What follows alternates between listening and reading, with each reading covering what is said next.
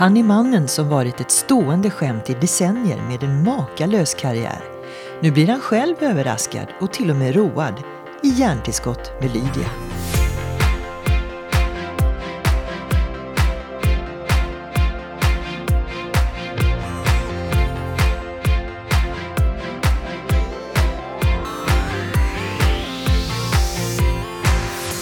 Jag träffade dig för 23 år sedan Oj, oj, och oj. intervjuade dig i en tidning som hette Exet och som var en bilaga till Expressen. Ja, just det. Och där, kolla du ser nästan likadan ut, likadan frisyr. ja.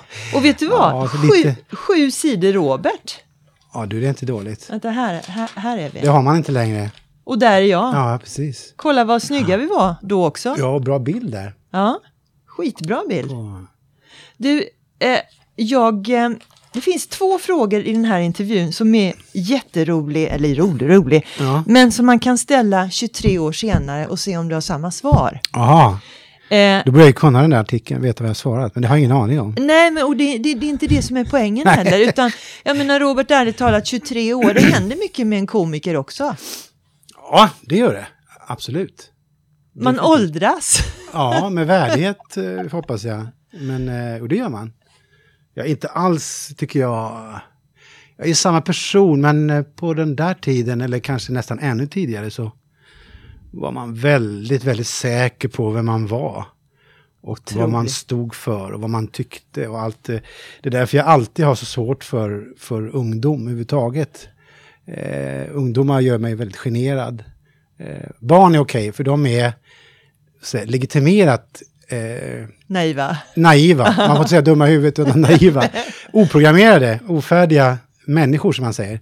Eh, så det är, det är liksom bara roligt med dem. Och de har ju andra förmågor också, barn, än vad ungdomar har. För ungdomar är precis i skarven till att eh, då bestämma sig och man bestämmer sig alltid för snabbt.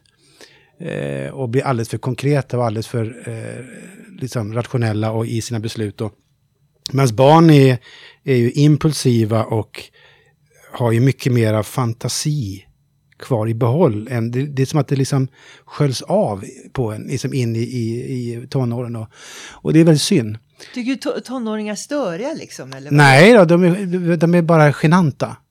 Eh, Jag blir väldigt generad när jag ser unga politiker eller ungdomsförbund som säger, som pekar med hela handen och säger det här är rätt och det här är fel. Och så vet man, nej men så är det ju inte, lilla vän.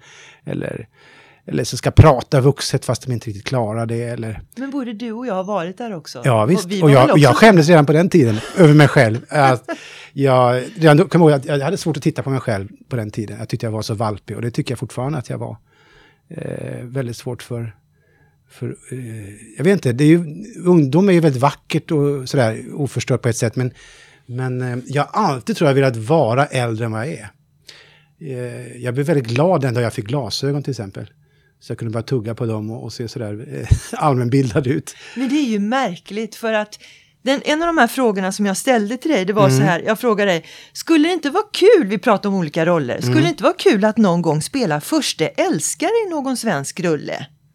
Mm. Jag säger inte vad du svarade, men, men, men vad, skulle du, vad skulle svaret vara idag om du fick vara en första älskare istället för alla de här eh, gamlingarna och, och, Ja. och allt det där? Nej men alltså, första älskare idag, vad är det egentligen? Alltså det är ju... Jag vet inte fasen, för för 23 år sedan kunde man ju tydligen säga det i en intervju. Ja, men då var det väl Hamlet kanske sånt där då, eller, vad, eller Ro, Julia, Romeo Julia? Ja, eller som de här rullarna som går, romantiska komedierna, då är det ju alltid De någon... görs ju inte längre, ty- tycker jag. Det är väl så att, eh, att även första älskarna har sina brister och är lite... Ja. Är det inte så? Jag tror att det har försvunnit lite grann det där. Men eh, jag fortfarande kan ju förstå frågan och eh, det är fortfarande lika ointressant. För det sa du då också, du sa, nej men det är ju tråkigt. Äckel och banditer är mycket roligare. Ja. Min hatroll är Romeo. Ska jag spela en hjälte eller första älskare, då måste det vara en knäpp jäkel. Och nu kommer det. Ja. Att spela en gubbe som man inte förstår sig på, där man inte begriper varför han gör som han gör, det är ju en utmaning. Ja. Du har alltid varit tokig i gubbar. Ja, jo, det, har, det stämmer nog faktiskt. det stämmer. Och sen kom ju hundraåringen och alla de Ja, här ja, ja, spelat. ja, precis, ja, precis, precis. Eh, nej, men alltså jag, jag alltså ordentligt, så, så, långt bort från en själv som möjligt. Jag tycker inte att jag är första älskare i och för sig. Lite som man kan inte börja där, men, men alltså psykopat eller, eller, eller ensling eller missförstådd eller eh, Alltså... Missanpassad. Missanpassad eller alltså på något sätt det som gör att en, en person blir intressant eller säregen eller speciell eller står ut i mängden eller sådär. Eller också väldigt, väldigt grå. Väldigt, väldigt tråkig och osynlig. Också väldigt intressant. Varför, alltså... Och visa det så att det syns på ett sätt då. Det är också utmaning och mycket intressant. Men nej, första älskare, nej. Men du, eftersom du är så fascinerad, eller vad man ska säga, din, din fäbless för gamla gubbar som vi har roats av alla i landet. Eh, hur ser du själv på din egen ålderdom? Tänker man på utseende när man är komiker? Du menar om man tänker på om man är ren och hel och fin? Och... Ja, om man är snygg fortfarande snygg. när man är 80 eller, vad, hur, eller kan man lägga det bara bakom sig? Nej, nej och det tror inte jag, jag, vad jag kan se omkring mig så gör man inte det. Och gör, har man, gör man det så har man glömt bort det. Då börjar man nog bara bli virrig och har glömt bort att kamma sig eller ta bort mjället från eh, axel, liksom vadden eller sådär. Uh, så att jag tror att de, man, man, man ända in i det sista. Det märker jag på mina föräldrar, de är 88 och 87 idag. Och det är fortfarande att man liksom försöker se proper ut i alla fall. Ordentligt. Så att, nej, det där tror jag inte släpper. Det är ett socialt spel som man ska vara med i ändå eh, någonstans. Du, kan du vara fåfäng? Jag, jag är nog fåfäng på ett märkligt omedvetet sätt. Jag märker att jag eh, rafsar ihop någonting när jag ska iväg och jag är väldigt ointresserad av kläder och handlar kläder väldigt sällan. I stort sett aldrig. Det blir, jag passar på när jag ändå måste. Slow fashion, det är supermodernt Robert. Är det det? Ja, du är helt inne Så får folk hämta kläder åt mig så säger jag ja eller nej. Ja. Och så går jag därifrån. Ja, så är det.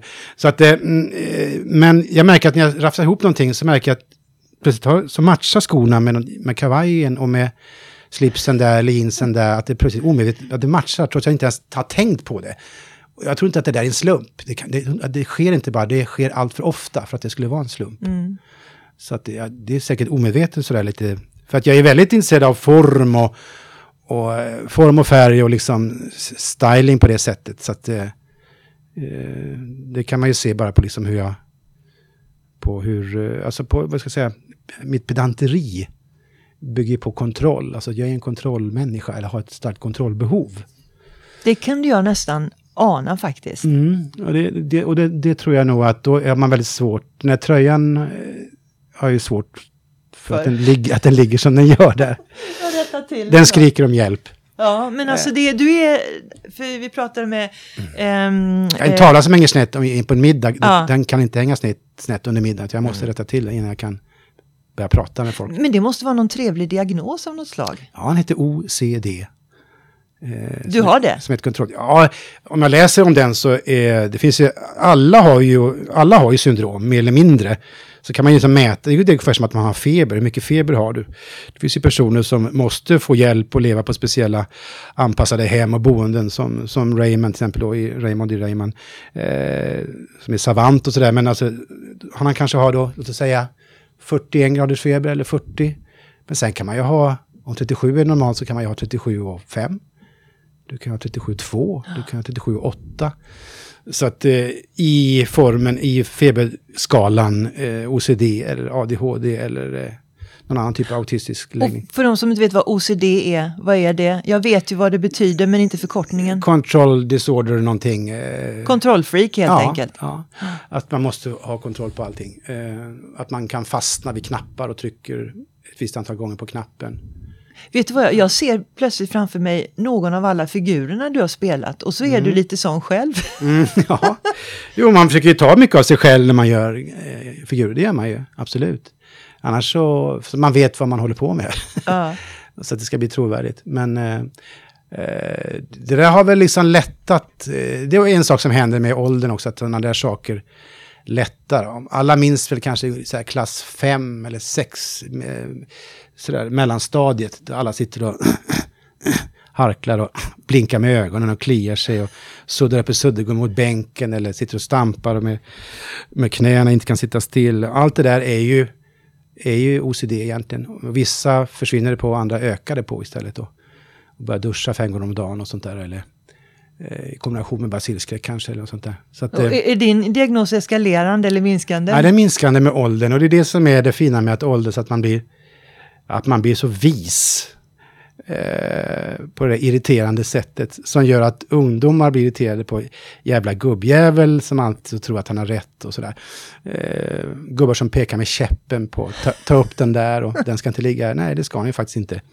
Eh, och sådär. Eh, men jag tycker det är härligt med, jag ser fram emot eh, ålderdomen faktiskt. Eh, Va, vad intressant. så länge jag slipper eh, krämporna naturligtvis. Men, vad ska du spela då när du är gubbe? Ska, då, då, då, då behöver du inte sminka dig så mycket. Nej, det är det som händer också att om man ser, man tittar på någon, någon, någon jag imiterar till exempel Bertil Svensson, han som skär sig hela tiden, trädgårdsmästaren där, eller tv-programledare. Han skar sig i tummen en gång på söndagsöppet eller något sånt där.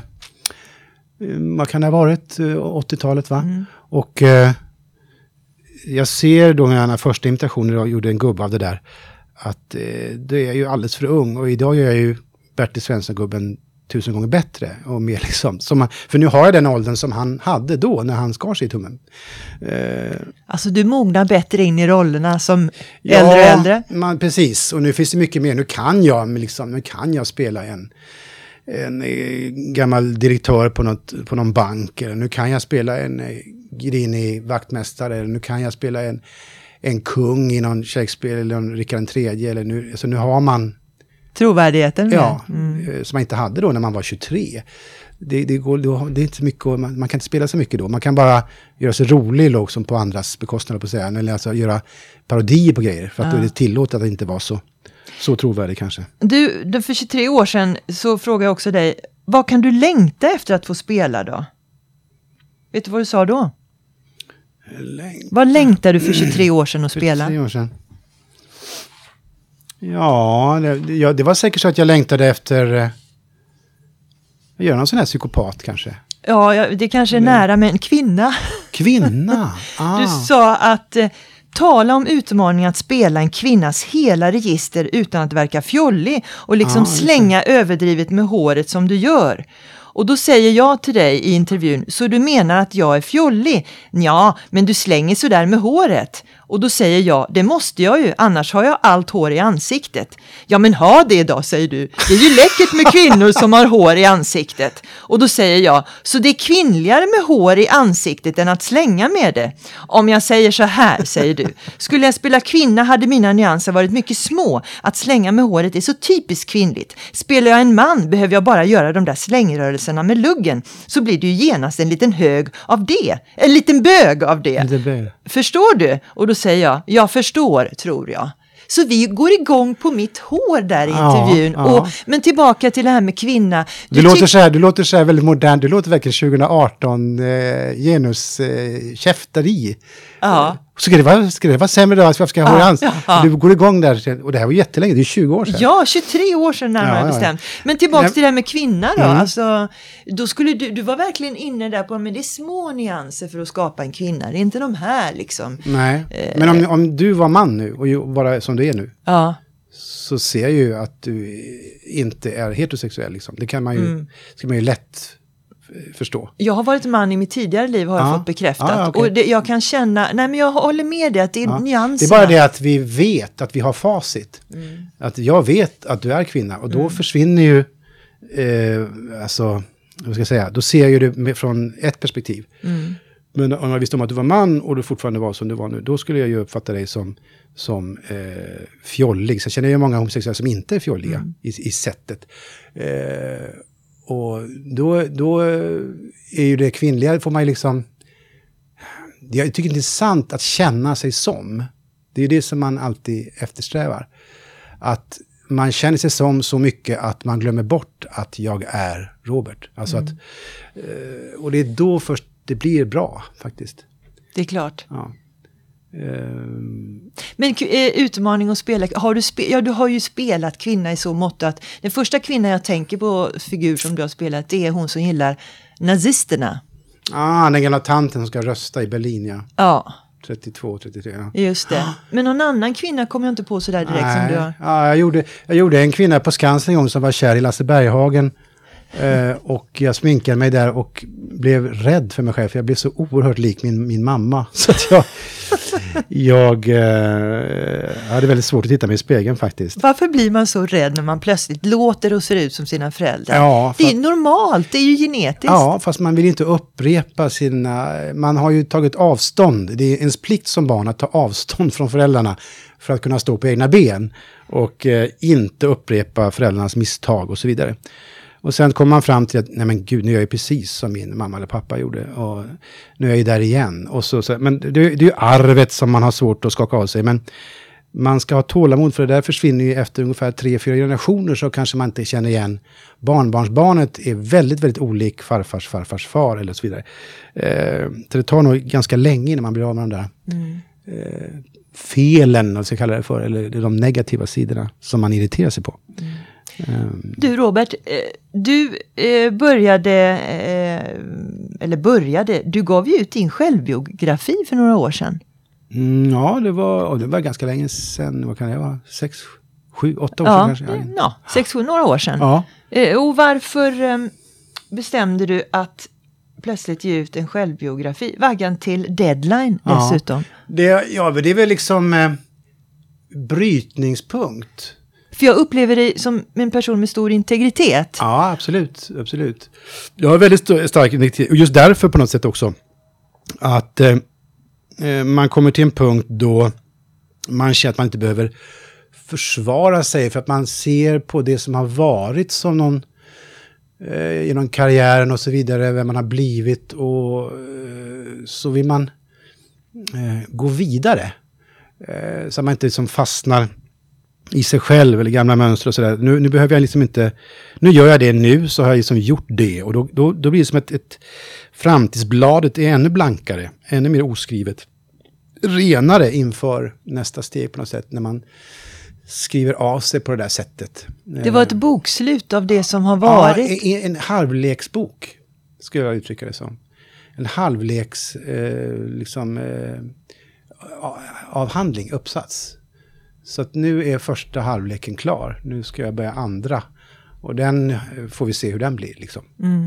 Men, men det, det kan jag hålla med om, det är skönt med att bli äldre. Alltså du, I ditt fall, du släppte hela den här prestationsångesten. Ja, det har du väl fortfarande lite grann? Va? Ja, det har man. Som tur är. För utan den tror jag inte, det är likadant där. Man måste ha lite, lite nerver. Alltså det är ungefär som man är ute och går med en, en, en eh, dalmatiner eller någonting på, på promenad. Om, om hunden drar liksom för mycket, för hårt och börjar så ramlar man ju lätt. Och, man, och om, den liksom, om man håller för löst i kopplet så kanske hunden bara sätter sig ner. Och Man kommer inte framåt.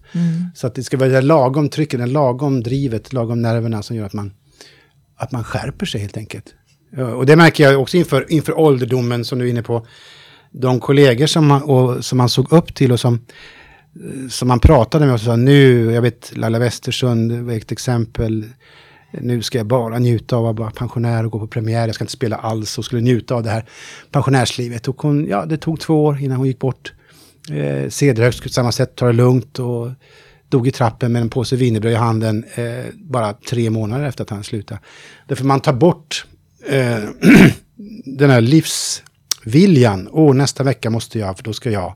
Och det räcker med någonting litet, kan vara bara en liten, ja, som nu en föreläsning eller en, jag måste skriva den där krönikan eller jag måste eh, tala inför de där människorna eller jag ska vara med i radion. Eller jag ska, alltså man måste hitta någonting som, som håller lite nervositet i kroppen, som, som är kreativ, alltså positiv eh, nervositet.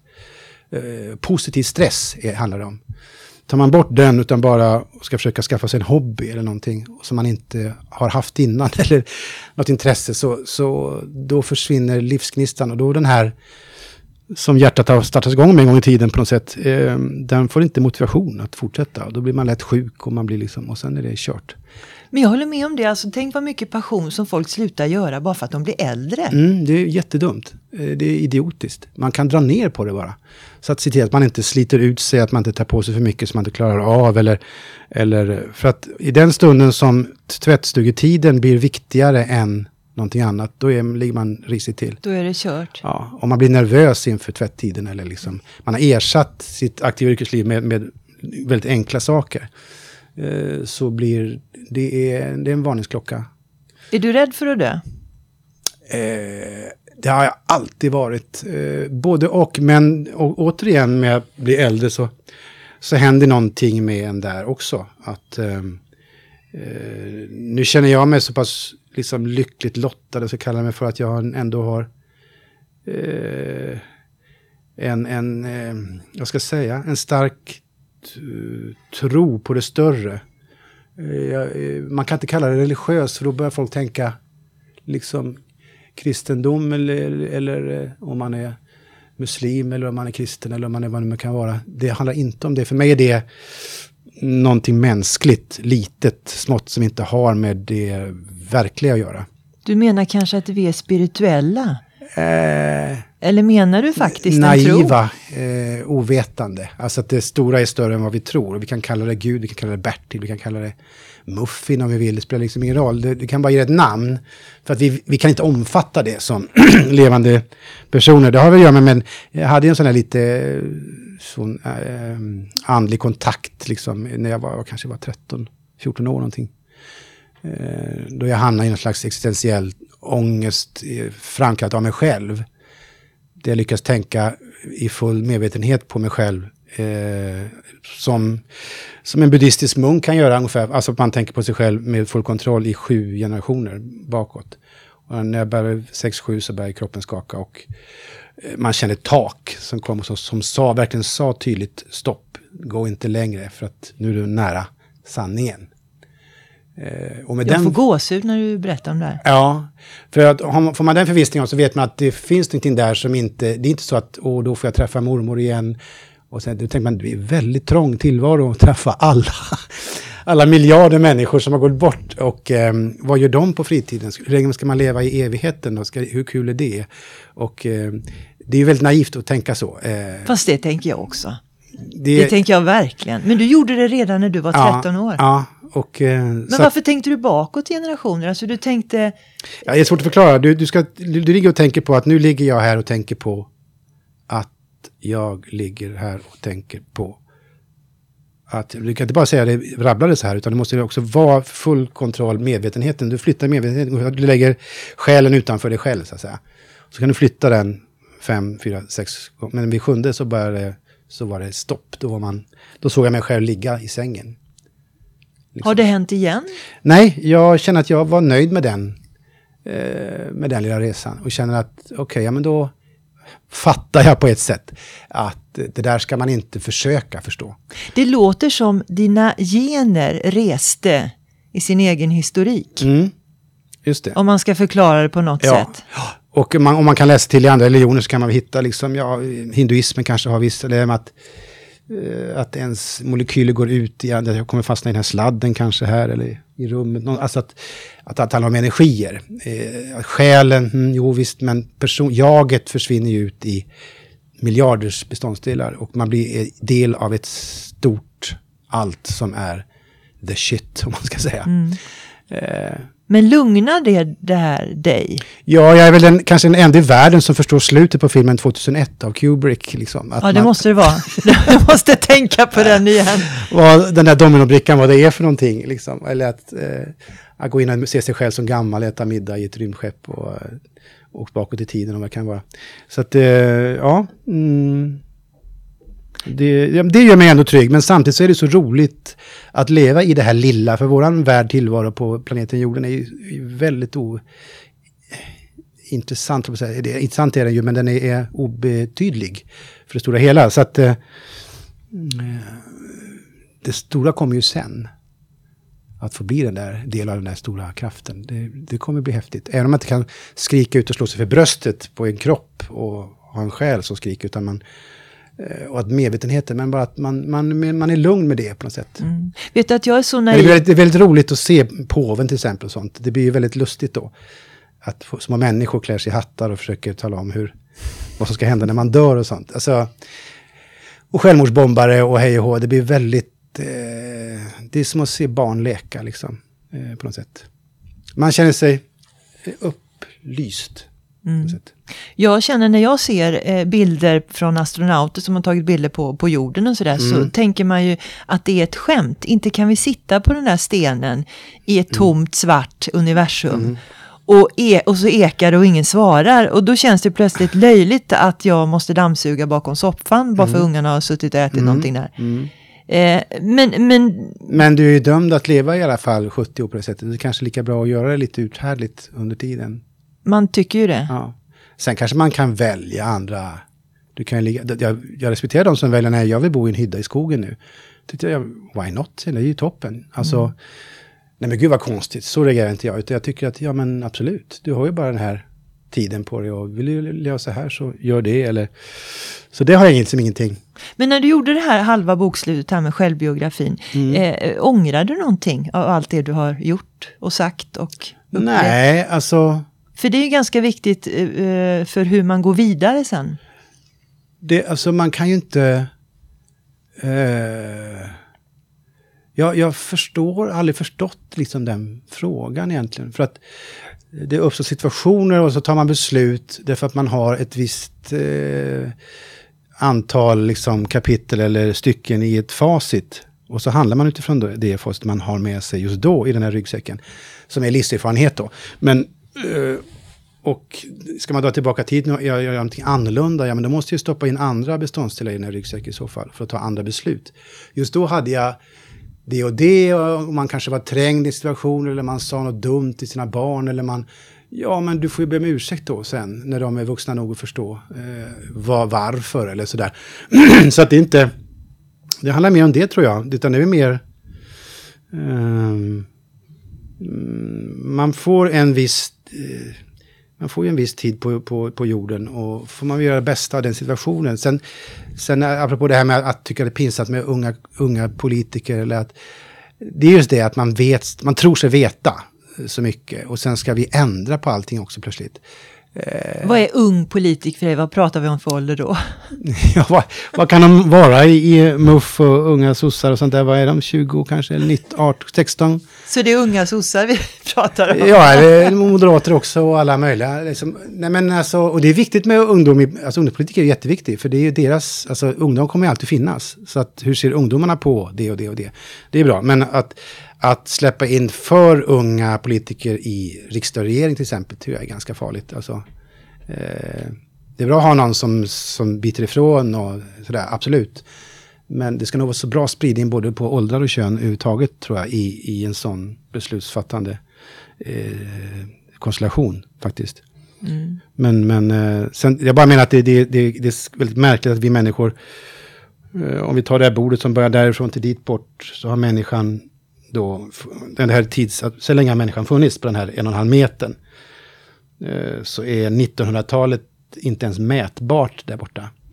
Eh, och så ska vi besluta att vi ska ändra allting eh, på ett år eller ett årtionde. hur vi ska färdas eller att vi, det går bra att pendla eller den här berömda historien när man fraktade fraktade. när man, när man eh, tog indianerna med sig till något möte i Washington flög de dit och de stannade kvar på flygplatsen och väntade in sina själar för de hade färdats för fort. Eh, så de kunde delta på mötet för en dag efter och sådär. Det är ganska intressant, alltså eh, hur vi tror att vi ska liksom ändra på hur vi ska äta och vi ska vara medvetna om det och det eller och könsroller och sånt där. vi ska ändra det på ett sånt här kick. Medan vi har med ett djur som om man klappar ett djur hur lång tid tar det innan det här djuret, innan katt till exempel, börjar få bort sin instinkt och börjar sluta jaga råttor och sånt. Det börjar ju hända nu har man märkt, och det, det, några hundra år har det tagit. Eh, förr ville katter jaga hela tiden, allt som alltså rörde sig skulle sådär, för att man måste överleva. Att den här ärvda instinkter vi har, skydda flocken, alla de här beteenden som vi inte fattar oss på riktigt. Vi vet inte varför vi gör saker, vi reagerar så eller vi ingriper så. Eller vi... Evolutionen. Ja, att vi inte har med oss den, det är så märkligt. Mm. Och det är inte säkert att vi heller är den överlägsna arten som ska överleva allt. Det kan man prata med... Nej, det är väl förmodligen kackerlackan eller, eller vad är det, eh, fästingen då, eller råttan. Då blir perspektivet annorlunda. Mm. Du Robert, jag tänkte så här när du eh, skulle prata med mig, då tänkte jag antingen kommer du få Tourettes syndrom eller så, jag visste liksom inte var den här intervjun skulle hamna någonstans. Nej. Och det tyckte jag var bra. Så hamnar vi i världsalltet. Och, och i ålderdomen. Och i ålderdomen och meningen med livet. Men är meningen med livet att skratta? Meningen med livet är ju att... Eh, eh, meningen med livet är att inte... Att komma dit här att man inte behöver ställa sig den frågan. Vad meningen är med livet. Ju. Det vill säga att eh, göra det bästa av situationen. För att eh, det där eh, svaret eller frågan, eh, det är inte det som är vår uppgift. Vi ska bara eh, vårda den där eh, kolonilotten som vi har fått. Liksom. Det, är väl, det är väl i stort sett det. Eller det enda egentligen. Vi ska inte sätta oss på höga hästar bara, det är väl det. Tack, Robert Gustafsson. Tackar, tackar.